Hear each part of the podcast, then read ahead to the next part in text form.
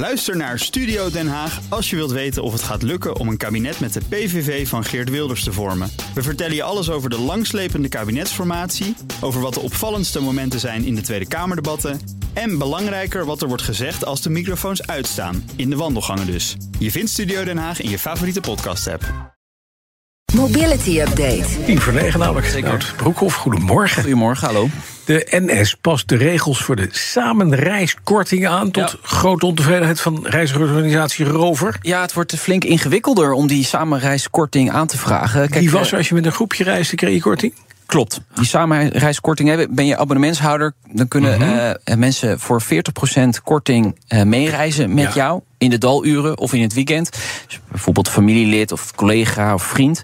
Nou, momenteel hoef je alleen een kaartje met samenreiskorting te kopen. En dan kun je dus eh, meereizen met iemand. Kun je ook gewoon iemand aanspreken op het perron. Van mag ik met jou meereizen? Mhm. Oh is- ja, dan krijg je samenkorting. Ja, krijg je samenkorting. Ja, dat ja, zo leg je nou nog leuke social contacten. Ja, zeker. Ja, Ja, ja, leuk. zo krijg je treinvrienden.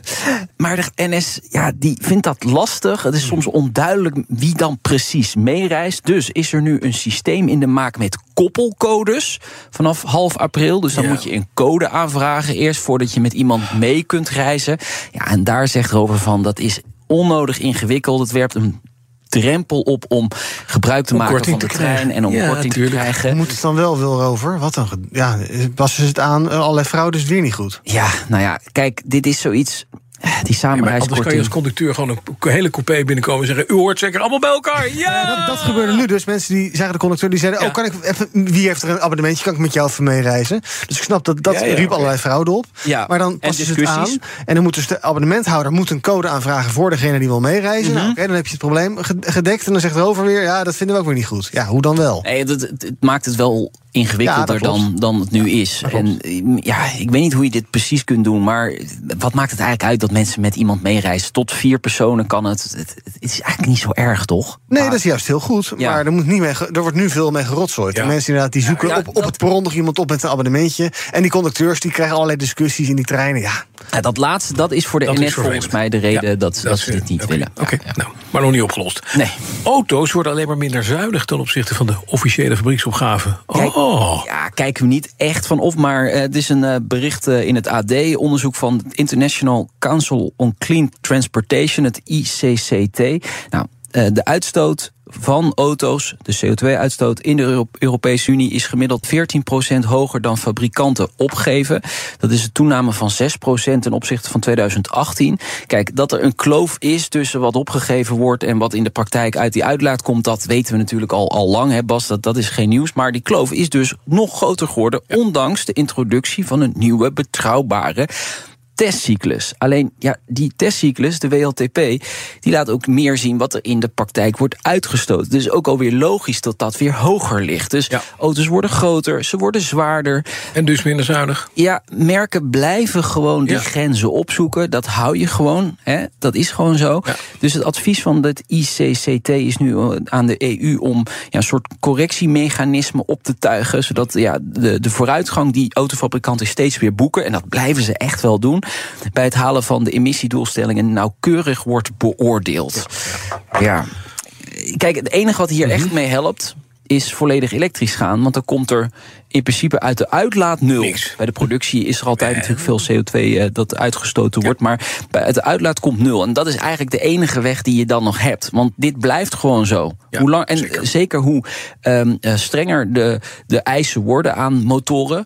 Hoe, hoe meer ze de grenzen gaan Ja, opzoeken. ja. Dat blijft gewoon zo. Dus- geldt trouwens ook voor, voor alternatieve brandstoffen die je zelf maakt, synthetische brandstoffen en waterstof nog op. Ja. Alles wat dus niet fossiel is, is eigenlijk beter dan. En daar hoef je niet, niet meer over na te denken.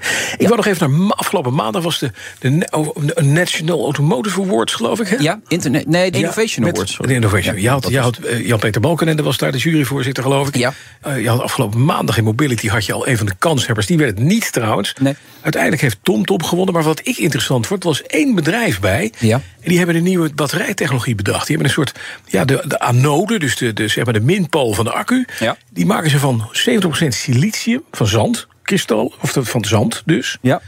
Waarmee je kleine batterijen met heel veel debiet kunt maken. In Toen Nederland. Ik, dat is leuk, ja. Ja. Nederlandse vinding. Vond ik geweldig mooi idee. En het voordeel is dat we sneller kunnen laden en verder Ja, kunnen kan rijden. verder rijden en sneller, sneller, veel sneller laden. Ja. En je kan kleiner construeren. Dus je, kan, je hebt langere actieradius. Dat haalt een hele hoop pijn weg bij mensen die nu met batterijauto's rijden. Zeker. Want hoe meer, eh, beter. En hoe minder gewicht, hoe beter. Zeker. Zien we aan mevrouw Hidalgo in Parijs al, hè, de burgemeester die daar zware SUV's wil gaan, eh, gaan belasten. Ja, Waar Nederland groot in kan zijn. Hè? Ja, hele zeker. kleine oplossingjes. Ja, ik ben inderdaad bekend met het bedrijf, maar ik ben nu heel even niet. Ik ben de naam kwijt van het bedrijf, maar. eh Leiden Jar. Lighting Jar, oké, ja, dat is hem. Dat weet ik dan weer. Ja, Ja, ja, goed oké. Dan nog even naar het gros van de. Ik denk, nee, dat moeten we nog even benaderen. Wat Nee, precies, ja. Moeten we in de, in de schaal van hebben, hebben, hebben, hebben. Hebben-. De gros van de Nederlandse automobilisten wordt wel eens verblind door koplampen van een andere auto. Ja, 8 op de 10. Onderzoek Ja. van de ANWB meldt eh, nu.nl. Ja, kijk, Let jongens. Ja, dat zijn de ledjes. Nee, kijk, lampen zijn inderdaad beter geworden, eh, kleiner ook, door die ledjes. Die zijn gewoon feller. Kijk, de ANWB zegt het kan voor gevaren op de weg eh, zorgen. Omdat je, ja, je moet je ogen een beetje knijpen. Je hebt het misschien zelf ook wel eens gehad dat je in je eh, buitenspiegel of je, in je binnenspiegel kijkt. Kijk, jezus, dat is wel echt een hele eh Heeft er sterke- een groot licht aan staan of zo? Ja, precies. ja, dat, dat, ja. Oh, man, dat heb ik ook. Eh, ANB zegt er zullen ongetwijfeld eh, ongevallen eh, gebeuren hierdoor, eh, waar dit een rol in speelt. De bond pleit voor vernieuwde regelgeving, een minimum afmeting van koplampen, zodat autofabrikanten niet telkens weer kleinere lichten ontwikkelen. Ja, dit is precies hetzelfde wat we net eigenlijk bespraken. Ze gaan steeds verder in die ontwikkeling, dus dat hou je niet tegen. Dus alleen regelgeving zou dat inderdaad kunnen tegenhouden. Precies. Doe het licht uit. Gewoon, dat helpt. Zie je ook niks. Enorm zie niks. is heel lekker rustig. Nee, precies, lekker niet het beste advies, eh, dit. Nee, dit gaan we vergeten. Dankjewel, Nout Broekhoff. BNR's Mobility. Elke maand nog om half twee met een hele nieuwe aflevering. Mobility Update wordt mede mogelijk gemaakt door ALD Automotive en Leaseplan. Ook Diana Matroos vind je in de BNR-app. Ja, inderdaad. Je kunt live naar mij luisteren tijdens de Big Five. Ook handig in de BNR-app. Breaking nieuwsmeldingen, maar ook het allerlaatste zakelijke nieuws. En je vindt in de app alle BNR-podcasts, waaronder Wetenschap Vandaag. Download nu de gratis BNR-app en blijf scherp.